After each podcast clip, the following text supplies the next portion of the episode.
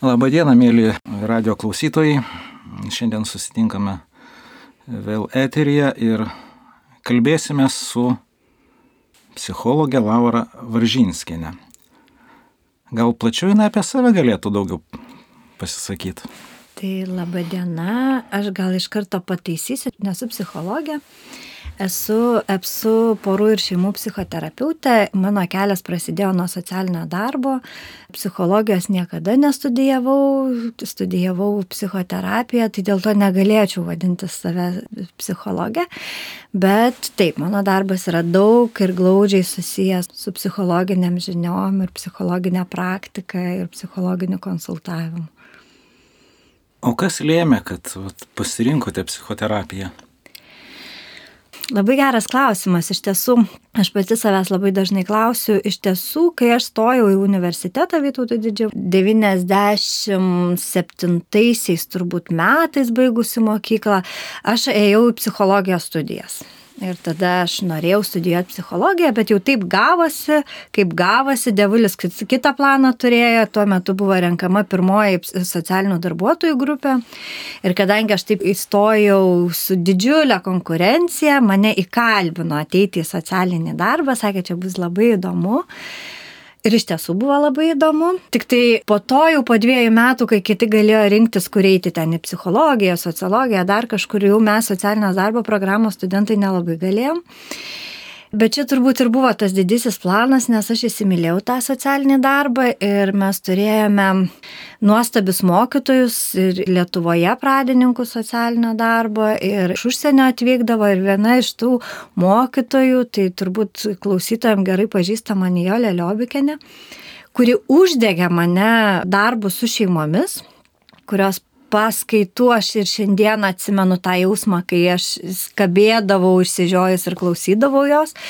Ir vėliau, kai atsirado galimybė studijuoti po diplominės šeimų ir porų psichoterapijos studijas, tai man net klausimas nekilo, ar studijuoti ar ne. Ir tokiu būdu, matyt, va, va, toks, va, toks devulio kelias buvo, kad ateiti ten, kur norėjau, bet truputėlį kitų kelių, negu kad aš įsivaizdavau visada mes turim būti pasiruošę permainom. Praėjusią sekmadienio Evangelija irgi kaip tik kalba apie tos permainų vėjus. Jėzus su mokiniais persimaino, aha, permainos, viskas čia gerai bus. Ir paskui Jėzus sako, žinot, aš turiu biškiai kitokį planą, leidžiamės nuo kalno ir einam tas permainas daryti kartu. Mhm. Apskritai, kada aš e, galvoju apie socialinius mokslus, man visada iškyla tas klausimas ir kad kiekvienas socialinis mokslas, nesvarbu apie ką mes kalbėtume - psichoterapija, psichologija, politikos mokslus, tą patį e, socialinį darbą jau paminėta. Pirmas kertinis klausimas, kuris stovi, yra klausimas, kas yra žmogus. Ir tas klausimas liečia ne vien tik tai teorijas, e, praktikas, metodikas, bet ir liečia kiekvieno to asmens, kuris pasirenka būti psichologu, psichoterapeutu, socialiniu darbuotoju. Kartu tai yra ir jo asmeninis klausimas kas yra žmogus. Nes nuo to priklausys tai, kaip jisai veiks, kaip jisai dirbs, ką jisai darys. Atsakymai į šitą klausimą galime tik tai du. Vienas. Arba aš esu atsitiktinumų vertinė, sutapimų kelias, kad staiga atsiradau, arba yra kažkas, kas mane pašaukė į šitą būtį, į šitą gyvenimą Ir klausimas, kas aš esu kartu, atneša ir autoriteto klausimą arba šaltinių klausimą, kuriais aš remsiuosi, stengdamasis pažinti kitą žmogų, stengdamasis pažinti situaciją ir jo įveikti. Įsivaizduokim tokią situaciją. Aplink Jėzų susėdė mokiniai ir jie sako, klausyk Jėzau, čia va girdėjom visi mokytojai mokina melstis. Tai gal ir mus tu galėtum pamokyti. Ir tai, ką padaro Jėzus, jisai įneša perversmą visam supratime. Jau pirmieji jo žodžiai kuria tas permainas, tą virsmą, kada jis pradeda tėvę. Žydai suprato, kad Jahve tai yra kažkas didingo, netgi jo vardo ištarti negalima. Ir staiga Jėzus pasako tėvę. Ir kada mes išgirstame šitą žodį tėvę, pirmas dalykas, apie ką mes pagalvojame, apie savo tėvą. Ir ta tėvo patirtis, jinai gali būti labai skirtinga. Jinai gali būti ir labai traumuojanti, jinai būti ir gydanti, gali būti ir gera. Ir va dabar klausimas. Tėve. Kokia tėvo vieta šeimoje? Aš truputėlį gal pradėsiu pasidalinti savo mintim truputėlį anksčiau. Ėjau paskui jūs, paskui jūsų pasakojimą apie klausimą, kas yra žmogus. Ir išgirdau savo viduje atsakymą, kuris kaip plakatas nuo pat studijų pradžios, nuo pat socialinio darbo studijų pradžios ėjo kartu su manim ir va taip va dabar supratau, kaip tai giliai yra įaugę, nes iš karto, kai sakėt žmogus ir iš karto atsakymas didžiausia vertybė. Čia turbūt yra klausimas, kas e, mums yra vertybė, ne? Vienam galbūt, nežinau, deimantas kažkoks nupirktas iš brangiai, brangiai, kitam tai Dievo kūrinys, dar kitam dar kažkas. Bet jeigu aš žiūriu į žmogų kaip į vertybę, tai tada ir ateina tas, kaip aš dirbsiu su žmogum, kaip su vertybė, kaip su pinigų šaltiniu, kaip su darbo šaltiniu. Tėvas tėvo vieta šeimoje, žinot, koks man pirmas atsakymas nuskambėjo galvoje už stalo galo. Už stalo galo, bet turbūt nebūtinai jis ten vienas turi būti. Už stalo galo, bet vienam ligmenį, bet už stalo galo. Galima priimti sėdėjimą už stalo, vietą, tėvo vietą už stalo galo, kaip simbolį. Ką šitas simbolis jums kalba? Man ką kalba?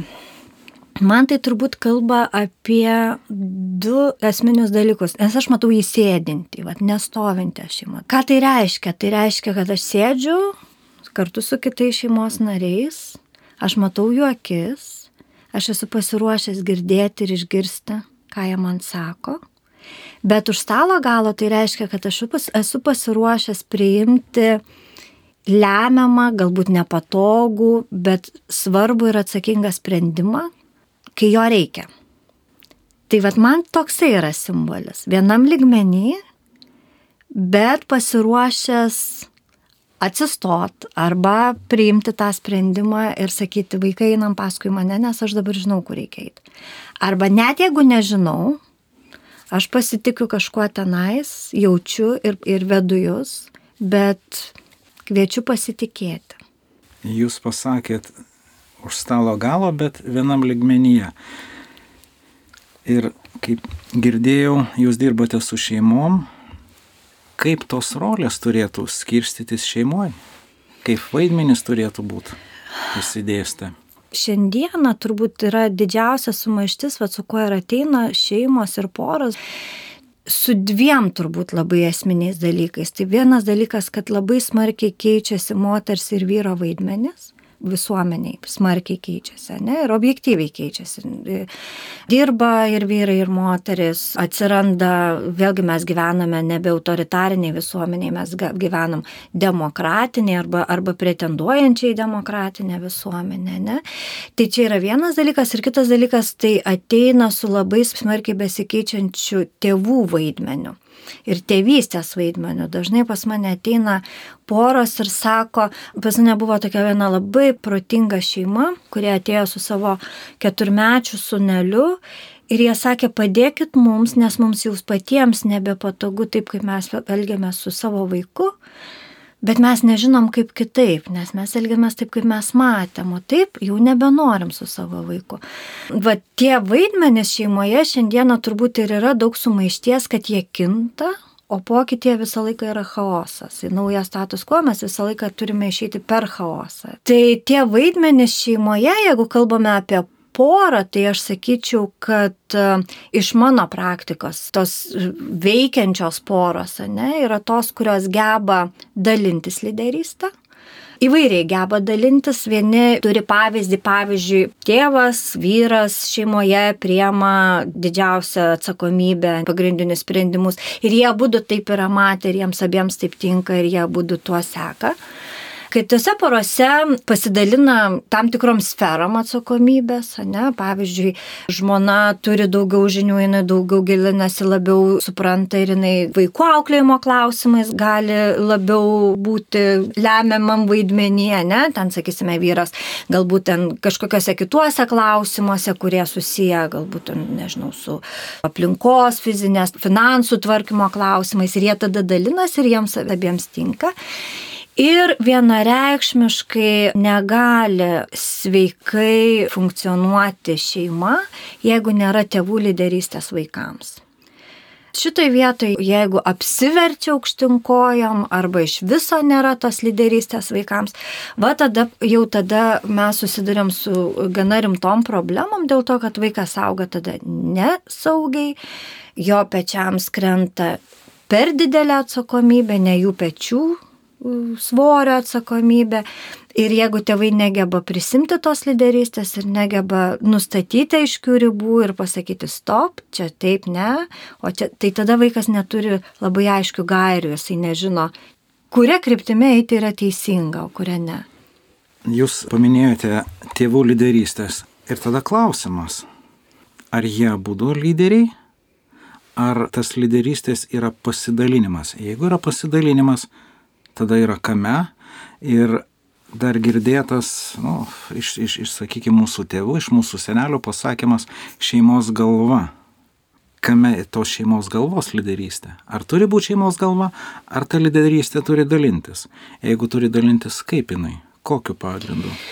O čia ir yra didžiausias triukas, kad negali pasakyti, kaip turi būti, dėl to, kad kiekviena šeima savo tą receptą atranda patys, ne, vad kaip ir sakiau, tai labai priklauso nuo patirčių. Jeigu mes kalbam apie, ten, sakysim, vyro ar moters e, paklusimą besąlygišką vienas kitam, ne, tai turbūt tie laikai jau yra gerokai pasikeitę, jau, jau tokių laikų nebėra. Mes apskritai ir šiandieniniai visuomeniai turbūt turėtų būti žmogus, kuris geba pasakyti savo nuomonę, ne, pasipriešinti, galbūt išsakyti savo poziciją tam tikrais klausimais. Bet, pavyzdžiui, jeigu šeimoje abiem tinka tai, kad, pavyzdžiui, nu, jie matė ir vienas, ir kitas, ne, kad vyro arba moters lemiamas vaidmuo ir tai jie atsineša iš savo šeimų ir tai atitinka jiems abiems. Tai gali būti puikiausiai šeimoje, tol kol tai jiems netrukdo kaip pasidalinti, jeigu yra, aš tai sakyčiau, kad vaikai turėtų abu du matyti kaip lyderius ir tėti ir mamą kaip komanda. Aš visą laiką, kai dirbu su porom ar šeimom, tai aš visą laiką sakau, jūsų tėvų posisteme, va čia jūs turite būti komanda. Ne? Vat, nu, jūs turite, jūs galite nesutapti toj komandai, jūs galite nesutikti, bet tų nesutarimų ir nesutikimų neturėtų matyti vaikai. Sakysime, pastiprinti vienas kito lyderystę vaikų atžvilgiu. Bet gali būti, kad mama sprendžia, pavyzdžiui, ar leisti ar neleisti ten kažkur eiti. Ir tėtis gali sakyti, žiūrėkit vaikai, čia yra mamo šitoje vietoje sprendimas, ne? Koks teisingas tas pasidalinimas, vėlgi nuo kiekvienos šeimos priklauso. Nu, vad negali pasakyti, kad būtinai ten tik tėtis arba būtinai tik mama atsakingas už tą ar už aną. Yra tekę girdėti tokį pasakymą. Aš bandžiau ieškoti, tik tai nespėjau atrasti, iš kuris ateina. Šeimoje tėvas yra šeimos vyskupas. Vyskupas yra lyderis. Vyskupas yra autoritetas. Tai gal ir tėvas šeimoje turi būti lyderis ir autoritetas? O, jisai gali būti lyderis ir autoritetas, jeigu jisai pateisina tą lyderystę ir autoritetą. Jeigu mes sakom tik tai dėl to, kad jisai vyras, ar tik tai dėl to, kad jisai tėvas, ne, Tai šitai vietai nežinau, nes e, man yra tekę matyti, kai kartais e, trenkia kumščių į stalą ir reikalauja tokių dalykų, kurių tu nu, negali reikalauti. Tai yra, nežinau, neteisinga, ne, nepatenkina lūkesčių ar panašiai. Nenorėčiau skirti prie lyties arba prie, nes lygiai taip pat, e, vad, kad tėvai vaikams tai turėtų būti, ne, vad, jie turėtų gebėti tartis ir panašiai. Bet aš vis tiek galvočiau, kad tai labai priklauso ir nuo kompetencijų, kokias tu turi. Nuo gebėjimo kurti santyki, nuo gebėjimo priimti tuos sprendimus, vienokius ar kitokius. Žiūrėkit, ne veltui aš pasakiau vyskupas. Kaip jūs įsivaizduojat vyskupo va, tas autoritetas ir lyderystė? Kuo jinai yra pagrista, kuo jinai pasireiškia? Aš galiu būti e, neteisi ir, ir aš tikrai ne, turiu gilių teologijos žinių ir šitai vietai uh, galiu visiškai klysti, bet man atrodo, aš atsiprašau, jeigu aš neteisingai e, priskirsiu ar pavadinsiu, bet man atrodo visi kunigystės lygmenys ir autoritetas eina per autoritetą per tarnystę. Tai yra mano toksai matymas, ne? Jūs pasakėt labai teisingai ir labai gerą raktinį žodį - tarnystė. Vadinasi, tėvo šeimos galvos autoritetas turi prasidėti nuo tarnystės. Tai yra autoritetas. Jis turi ateiti iš tarnystės ir, kaip mes dar kitaip pavadinam viskupą, ganytoju. Ką daro ganytojas, ką daro piemuo? Koks jo yra rūpestis? Kad ta mažoji kaimenė, kurią jisai rūpinasi, būtų saugi, aprūpinta ir taip toliau. Vadinasi, tarnystė šeimos galvos yra rūpintis saugumu, rūpintis, kad jie turėtų kur būti, ką valgyti. Tik tai čia yra vienas esminis skirtumas. Vyskupas tą daro, turėdamas profesionalų parengimą. O tėvų universitetų dėja kol kas neturim. Šitoje vietoje aš dar ne visiškai sutiksiu, bet aš dar pratęsiu. Tai va, pirmas dalykas rūpintis e, kaimenę, tai yra rūpinti šeimą, kad jinai būtų saugi. Kitas dalykas, ką daro e, vyskupas, skelbia Evangeliją, moko, vadinasi, šeimos galvos, tai gali būti ir vieno, sakykime, vieno iš tėvų, gali būti abiejų mokyti vaikus. Ir kitas vesti į šventumą. Mes per daug sudedam į tai, kad jeigu labai išmoksime, vadinasi, bus gerai. Jeigu mes šviesim visuomenę, šviesim vis, visus, vadinasi, viskas bus gerai. O gal ne? Vyskupas atėjęs į tarnystę, jisai žino, kad jis yra įrankis, kad jisai yra ne vienas, bet šeimos tėvas irgi yra, ar šeimos mama yra ne vienas. Vyskupas savo galę gauna per šventimus. Santaukos sakramentas irgi yra šventimai. Tai yra sakramentas. Kaip ir šventimai yra sakramentas. Santauka irgi sakramentai. Sakramentas, kuris įgalina ir padeda skleistis ganyti tą šeimą. Galbūt mes, kada kalbame apie lyderystę, mes biški ne apie tuos dalykus galvojam. Kaip ir buvo pradžia, kas yra žmogus, kas aš esu, autoriteto klausimas. Ar aš esu pats vienas, ar aš esu su kažkuom tai. Ir vadinasi, tada aš ateinu į šeimą, tarnauti šeimai, būti lyderiu, ne vienas, kada sužadėtiniai rengiami šeimai yra kalbama, kad jūs trysė turi būti. Aha. Ir tada tavo tarnystė, tavo lyderystė skleidžiasi. Aš dabar turiu tokį jausmą, kad um, mes tarsi kalbam lik nesutaptų nuomonės, bet jos atrodo, kad visai sutampa, nes aš ir pradėjau nuo to, ne, kad lyderis tai nėra apie paklusimą santyki. Lyderis tai yra apie pasitikėjimo ir atsakomybės prisėmimo santyki. Ir ko gero, va čia yra, taip, turbūt yra lemiami momentai, kai mes, nežinau, toks labai būtinis, mhm. ne, ne, ne filosofuojant, bet labai būtinis pavyzdys, ne, jeigu tavo trijų metų vaikas bėga į gatvę, tai tu su juo nediskutuoji. Tu jį čimpi už rankos ir tempi atgal. Ir čia jau turi būti paklusimas visiškai, nes tai yra, tai yra gyvybės ir mirties klausimas, ne? Atskirti, kada turiu ir privalau reikalauti paklusimo. Vėlgi, lyderių poroje, ne, Vat, nu, sakysim, aš vis tiek matau porą kaip komandą lyderius, ne, nes ganyti šeimoje visai nelengvas uždavinys, ypatingai šiandieną. Bet yra momentų, kai aš kaip lyderis turiu atsitraukti ir leisti eiti kaip aš kartais sakau, tėvų darbas yra laiku paleist ir tada stovėti prie vartelių, kaip tam dainuoja, net tu nežiūrėk mama per langą. Ir laukti, kada tas vaikas, kaip Biblijoje, ne, paklydęs grįš ir sakys, dabar man reikia jūsų pagalbos bet ne bėgti ir šluostyti dulkes į priekį arba sakyti, žiūrėk, tu net ten eini, aš tave dabar pavesiu va tenais va, ir, ir panašiai. Tai turbūt šitoj vietoj aš negirdžiu tos prieštaros, kad taip, tai yra daug tarnystės ir tai yra daug atsakomybės prisėmimo, daug um, gebėjimo peržengti savo ego, pasidėti tą savo ego į šalį pamatyti tą kitą, kuris šalia, nesvarbu kokią mažumą jisai yra, pamatyti jo poreikį, atskirti, kada aš privalau sakyti stop vaikę, šitoje vietoje nebegali ir sakyti, hm, prašau, va, yra pasirinkimų, rinkis. O aš čia pabūsiu, jeigu reikės mano pagalbos, kreipkis, ne? Turbūt yra panašumo. Tikrai taip, ir jūs labai gražiai įvardinot, ko yra tikimasi iš lyderio, iš tikro lyderio, kad jisai prisima atsakomybę, kad jisai tarnauja kitam, kad jisai paleidžia ir leidžia kitam, o ne užgožia savimi. Ir jūs paminėjot labai fantastinį palyginimą apie sūnų palaidūną.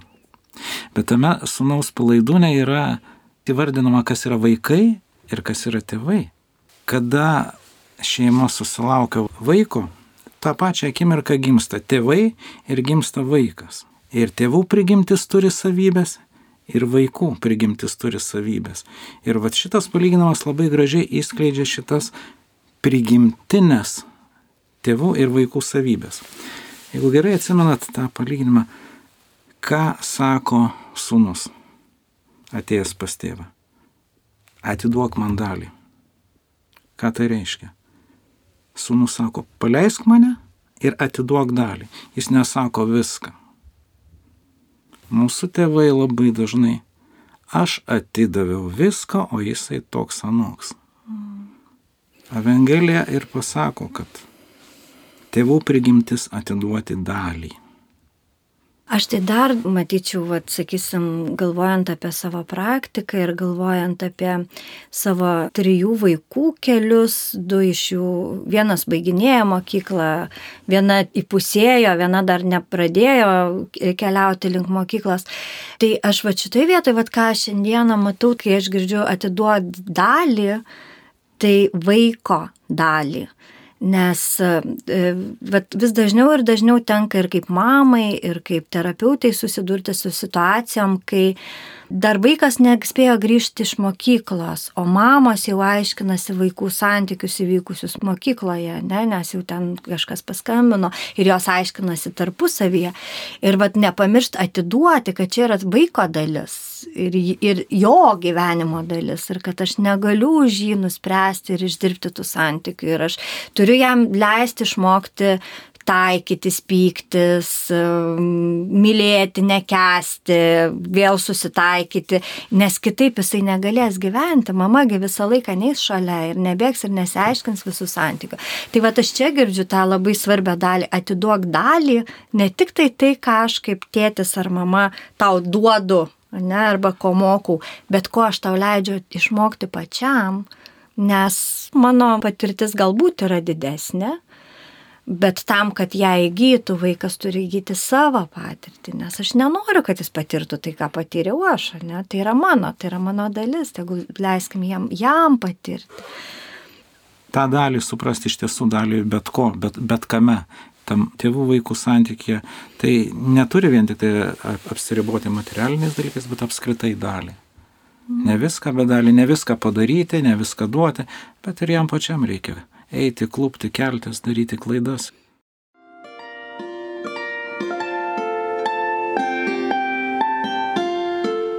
Jūs girdite Marijos radiją.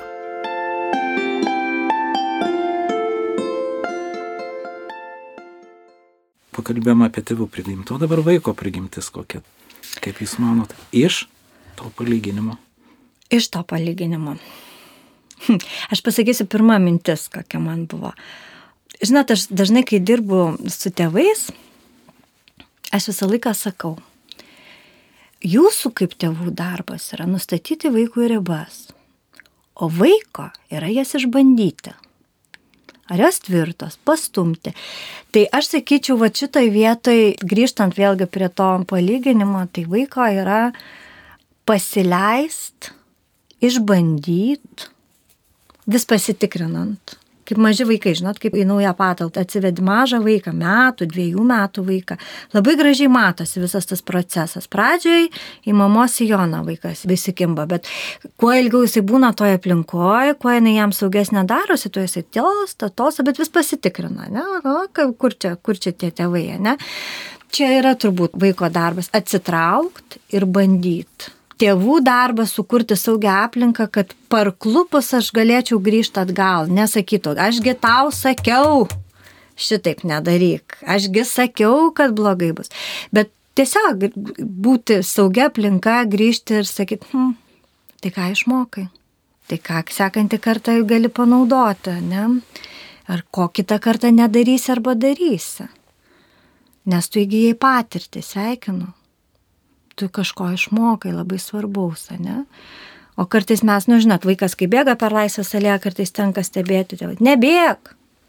Aišku, kojos susipina, vaikas nugrūna ir pirmas dalykas, ką išgirsta iš tėvų, ašgi sakiau.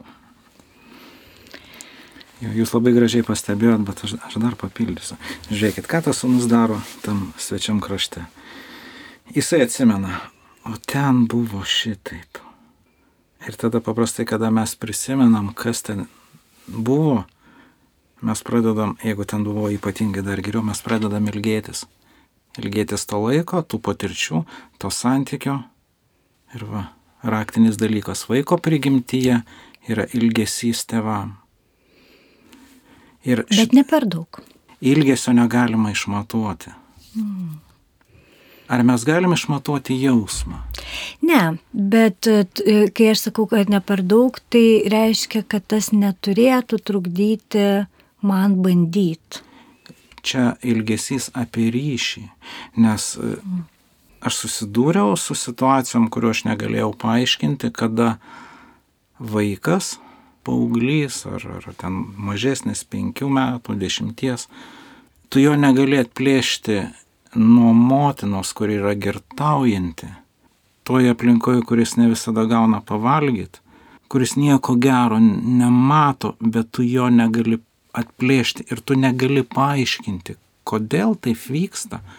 Ir vat, aš šitam palyginimą atrandu, prigimti jo yra ilgesys. Toliau, kada teko susidurti gedėjimo grupėse su žmonėm, žmonės, kuriem 80 metų, jie kalba apie tą patį ilgesį, nors jų tėvai jau dešimtmečiai, kai yra palaidoti. Galbūt vat, to vaiko prigimtyje tas ilgesys yra gilesnis dalykas, negu mes įsivaizduojam ir kartais mes jį galbūt nubraukiam ne ten ir ne tada, kada tą reikia daryti.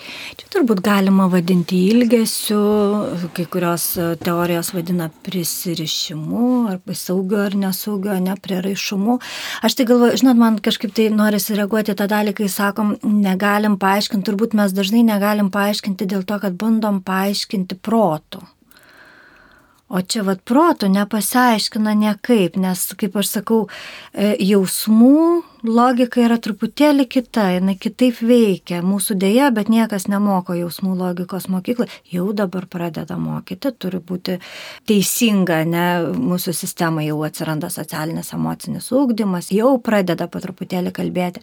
Bet labai daug metų, nu, apskritai niekas nekalbėjo, mūsų mokė e, proto logikos ir tada va, ta proto logika, jinai dažnai įveda daug sumaišties santykiuose ir daug sumaišties, kur dar veda jausmas, kur didelė dalimi dalyvauja jausmas, ne, va, žmonių santykiuose, žmonių santykiuose su vaikais. Dėl to taip kartais yra sunku paaiškinti, kodėl tie vaikai laikosi tų tėvų, kurie atrodo protų nesuvokiamose situacijose augina tos vaikus. Va, bet kaip yra nuostabu, kad atsakymą mes randam Evangelijoje, šventam rašte. Tai tada noriu dar vieną kitą situaciją iš švento rašto, kada apaštalas Paulius savo laiškuose rašo, kad moteris turi būti klusnios savo vyrams. Ir va šitas jo teiginys šiais, ypatingai šiais laikais sulaukia didelio pasipriešinimo. Kaip Jūs manot, kodėl? Turbūt pirmiausia tai todėl, kad nuo per 2000 metų labai smarkiai keitėsi visuomenės santvarka, visuomenės lyderystės santvarka. Visaip keitėsi, bet iš principo tai jinai ėjo nuo patriarchalinės visuomenės, nuo autoritarinės visuomenės didžiaja dalimi link demokratėjimo su visom pasiekmėm ir teigiamam ir neigiamam. Ne? Tai turbūt, turbūt yra natūralu, kad šiandieną tas lyčiai priskirtas e, paklusimas ar nepaklusimas, apskritai galbūt paklusimo e, savoka, jinai susilaukia daug diskusijų. Nebe, nebe tokia santvarka, nu tiesiog visuomenės santvarka jau yra nebe tokia. Ne? Ir lygiai taip pat kaip e, valdžios institucijose, lygiai taip pat vyro moters santykėje šiandieną yra daug daugiau lygiai teisiškumo. Ne? Nežinau ar tas žodis tinkamas, bet lygiai vertiškumo santykio negu prieš 2000 metų.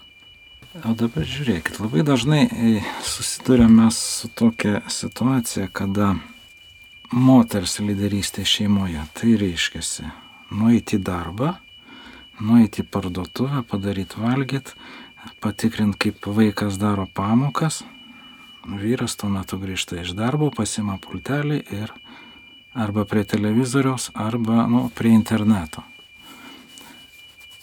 Čia irgi lyderystė, moters lyderystė gaunasi. Bet ar tokia lyderystė tenkina moterį? Man atrodo, mes labai daug, daug dalykų bandom paliderystės savoką su, sudėti. Žinoma, kad turbūt netenkina, daugumos netenkina, nors tikrai savo praktikoje esu nemažai susidūrusi su pačiomis moterimis, kurias ne tik tai tenkina, bet ir siekia būtent to. Ne? Tai, tai čia turbūt vėlgi labai priklauso nuo situacijos, bet um, nu, lyderystė vėlgi grįžtant prie lyderystės, ne kaip po tokios, tai yra ir gebėjimas dalintis gebėjimas dalintis viskuo, ne, atsakomybėm, sprendimų prieimimais. Nes už stalo galo tai sėdi viename ligmenyje, ne? Žiūrėkit, šeimoje yra rolės pasiskirstamos. Ir yra rolės, kurių neįmanoma pakeisti. Vieną tokių rolių atlieka moteris. Ir jos niekas šitoje vietoje negali pakeisti. Gimdymas? Taip. Mhm. Sutinku. Galbūt tada šeimoje yra vieta, kur vyro neįmanoma pakeisti. Pavyzdžiui. Aš bandau klausti jūsų. Nežinau. E, jūsų labai įdomus, įdomus klausimas. Žinot, e, ką aš matau, ką atneša besikeičiantis vaidmenis į šeimas, tai labai daug sumaišties tiek vyram, tiek moteram. Pirmiausia, ką jūs ir įvardino, kadangi moteris skirtingai negu, sakysim, patriarchalinės visuomenės tuose ištakose, ne, ir iš, e, arba um, e, ką atnešė urbanizacija, ne, pradeda dirbti ir dalyvauti darbo rinkoje ir tada siekia visiškai lygaus vienas prie vieno pasidalinimo, ne, e, sakysime, ir panašiai. Ir tas atneša labai daug sumaišties. Vienas dalykas, su kuo aš, pavyzdžiui, susiduriu, kad vyrai dažnu atveju yra pasimetę savo vaidmenyje dėl to, kad jie nebenori nedalyvauti vaiko auginime, taip kaip anksčiau būdavo, jie nori būti tėčiais, turėti santykių, ryšį su ne tik tai tas, kuris atneša pinigus, padeda ant stalo, vat, kaip jūs sakot, pultelis ir, ir žiūri televizorių, bet kita vertus išlieka tas iš kartos į kartą per amžius išlikęs, kad tėvas yra šeimos maitintojas ir kaip tos dabar abu su, suderinti, kaip tą suderinti su tuo, kad mano žmona šiuo metu irgi uždirba ir kartais galbūt netgi ir daugiau, kaip tai suderinti tada su tuo, aš visą laiką sakau, vyras dalyvauja vaiko auginime lygiai tiek. Ir nelašo nei daugiau, nei mažiau, kiek mama jam leidžia, absoliučiai, ne, visiškai, tai yra mamos, mamos prerogatyva. Ir dar nesutikau šeimos, kurioje būtų kitaip. Tiesiog, tiek dažnai mamos, oi, tu netaip pamper sakyti, netaip maudai, netaip, o paskui sako, hm, man kažkodėl tai nelabai čia padeda, ne, ir tada mes diskutuojam, kiek atleidžiam. Ir tas atneša, nes čia reikia dabar tuos vaidmenis persidalinti. Apie moterų sumaištis dažnai yra kalbama, nes yra feminizmo atstovės, ne, kurios garsiai kalba ir sako, žiūrėkit, bet čia va yra, yra tokia, moteris apskritai yra labiau santykė su savo jausmais, jos išneša kalbą apie tos jausmus ir sako, man yra sunku, mes čia va dabar turime ir dirbti, ir vaikus auginti, ir kaip tą suderinti, ir padėkit. Ir tai yra, tai yra gar, garsi ir matoma problema, bet lygiai tokia pati problema, nekiek nemažesnė geresnė yra šalia stovinčio vyro sumaišti su tais besikeičiančiais vaidmenimis ir kaip dabar čia iš naujo vėl viską reikia, reikia persidalinti ir pasidalinti. Ir, ir šiandieną turbūt mes esame va tame vis dar transformacijos etape, kur vis dar keičiasi ir atsakymų, kaip tai teisingai turėtų būti, mes dar dėja, bet neturim. Galbūt jūs teisus, galbūt yra kažkoks vaidmuo, netoks akivaizdus kaip gimdymas, ne, kurį galbūt skandinavai, pavyzdžiui, atpažįsta tėvystėje, yra nuo trijų metų, pavyzdžiui, vaiko auginime turėtų aktyviau dalyvauti, va, dalyvauti tėtis, nes tuo metu, va, trečiaisiais gyvenimo metais, vaikas pradeda eiti į sociumą ir jam jau tada reikia nebe to šilto emocinio ryšio su mama prisiglaudus, bet reikia tvirto palaikančio ir drąsaus žvilgsnio į išeiti visuomenę. Tai yra jų požiūris, ar jis yra teisingas, nu turbūt istorija parodys ir ateitis parodys. Bet, bet čia yra geras klausimas, čia yra iš tikrųjų yra kur pamastyti ir pagalvoti, koks galėtų būti nepakeičiamas vyro vaidmuo. Bet nenorėčiau jo vadinti lyderystė, nes lyderystė yra platesnė savoka jūs kalbėjote apie tą sumaištį vyro ir moters šeimoje, gal kalbėti reikia biški kitaip. Tėvystė ir motinystė. Kaip šeimoje skleidžiasi reiškiasi motinystė ir tuo pačiu atsižvelgiant į tai, kaip veikia sociumas, kaip veikia visuomenė, gal čia yra klausimas, kaip būti motina ir tada automatiškai vyrui, kaip skleidžiasi jo tėvystė ir kaip būti tėvu. Ir tada, o čia mes pradedam vardinti pinigų uždirbimas, pampersų keitimas, dar kažkas, tai dar kažkas prasideda dėliojimasis į lentynėlės čia to, čia to, bet ar savo esmei motinystė yra tai pakeisti pampersus, ar tėvystė yra pakeisti pampersus. Galbūt kažkas yra giliau ir vat to mums reikia ieškoti. Tėvystės ir motinystės. Ką reiškia būti tėvu, ką reiškia būti motina. Turbūt nėra nei, tėv, nei tėvystės, nei motinystės e, esmė pakeisti pampersus, bet tai yra vienas iš darbų, kuriuos nu, neišvengiamai reikia padaryti ir kurios užima daug, nu, visai nemažą dalį laiko. Ne? Tik tai, vat, tuo metu, kai yra atliekamos vat, visos šitos rutininės veiklos, ne, pamaitinti, pakeisti pampersus, aprengti, pamigdyti, dar labai svarbus dalykai vyksta vaiko, vaiko raidoje Tai yra vyksta ryšys.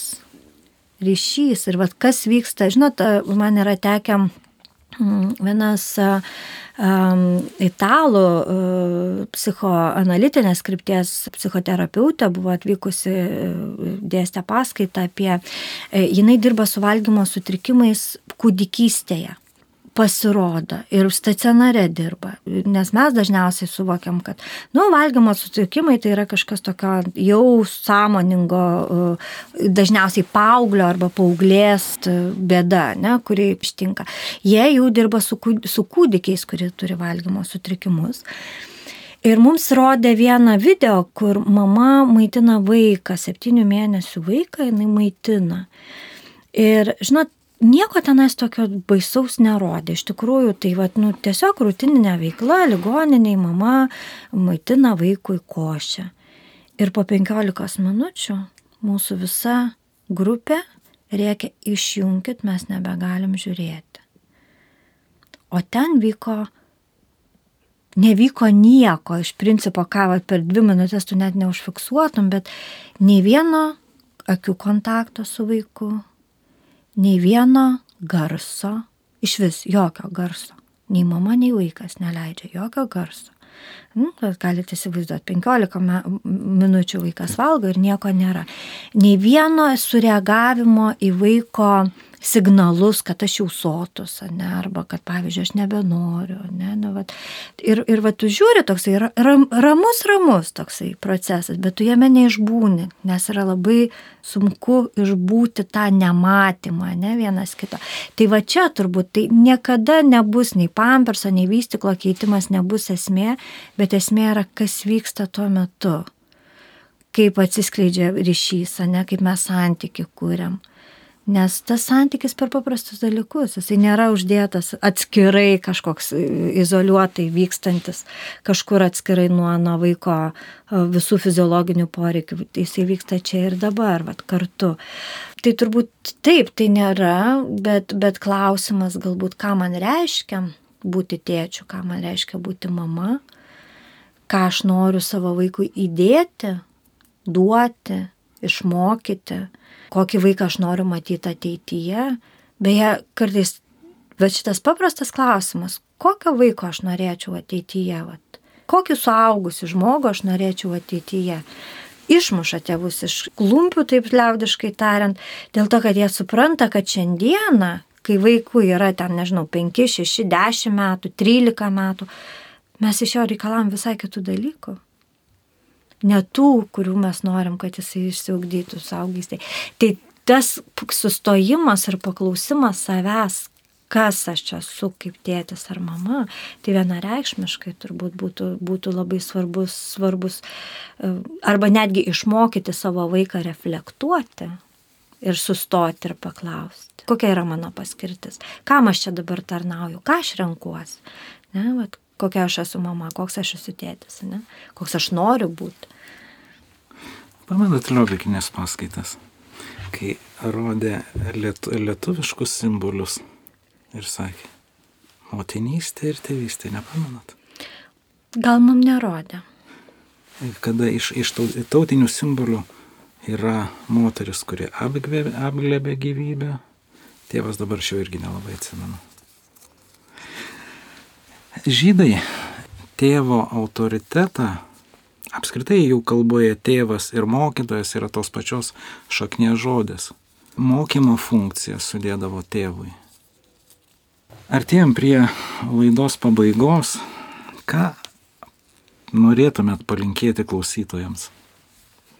Turbūt labiausiai šiandieną norisi linkėti du dalykai pirmiausia ateina šeimoje, vyrui ir moteriai, tėčiui ir mamai, nepamiršti, kad svarbus ir turbūt vienas iš svarbiausių lyderio savybių tai yra gebėti priimti nepatogų sprendimą, kai jo reikia, nes tai mūsų vaikams yra saugumas, tai mūsų vaikams yra kompasas, kryptis gyvent. Tai čia yra vienas dalykas. O kitas dalykas tai norisi palinkėti tikro gilaus samoningumo buvimo šeimoje. Ne nepaviršinio, nihilistinio, kur nuneigiu viską, kas, kas ateina, sakysim, iš mano tėvų, kas ateina iš, iš istorijos, kas ateina iš... Ir sakau, va, dabar mes čia esam teisingiausi ir tai vadinam samoningumu, bet turbūt labai sąmoningai atsirenkant vis tik tai kaip vat, gerbiamo Liobikė, kaip sakydavo, kad po prausynų kartu su vandeniu netektų išpilti ir kūdikio. Tai va šito labai norisi, to tokio gilaus samoningumo ir atsirinkimo, kad ne viskas, kas nauja, arba ne viskas, kas e, kitaip būtinai yra teisingiau. Ir dar vienas dalykas, tai norisi palinkėti skirtingų nuomonių visuomeniai vėl gyventi nebijant skirtingų nuomonių, skirtingų, ne, ne marginalizuojant, nebijant diskutuoti ir nepriskiriant kiekvieno, kuris turi kitą nuomonę prie kažkokios tokios, nu, išmetamos grupės, ne? nes kaip mes bėgom nuo sovietmečio, nes tada buvo labai aiški ta viena nuomonė nuleista, tai šiandieną mes patys renkamės vienos nuomonės visuomenę, tai vad norisi palinkėti, kad sustot, ir pamastyt. Nepriimti kitos nuomonės, nebūtinai, bet sustot ir padiskutuoti, sustot ir išgirst, sustot ir galbūt tada bus visiems mums samoningiau gyventi. Ačiū Jums, ačiū Jums klausytojai už kantrybę. Su Jumis buvo aš Mindaugas ir psichoterapeutė Laura Varžinskine. Ačiū.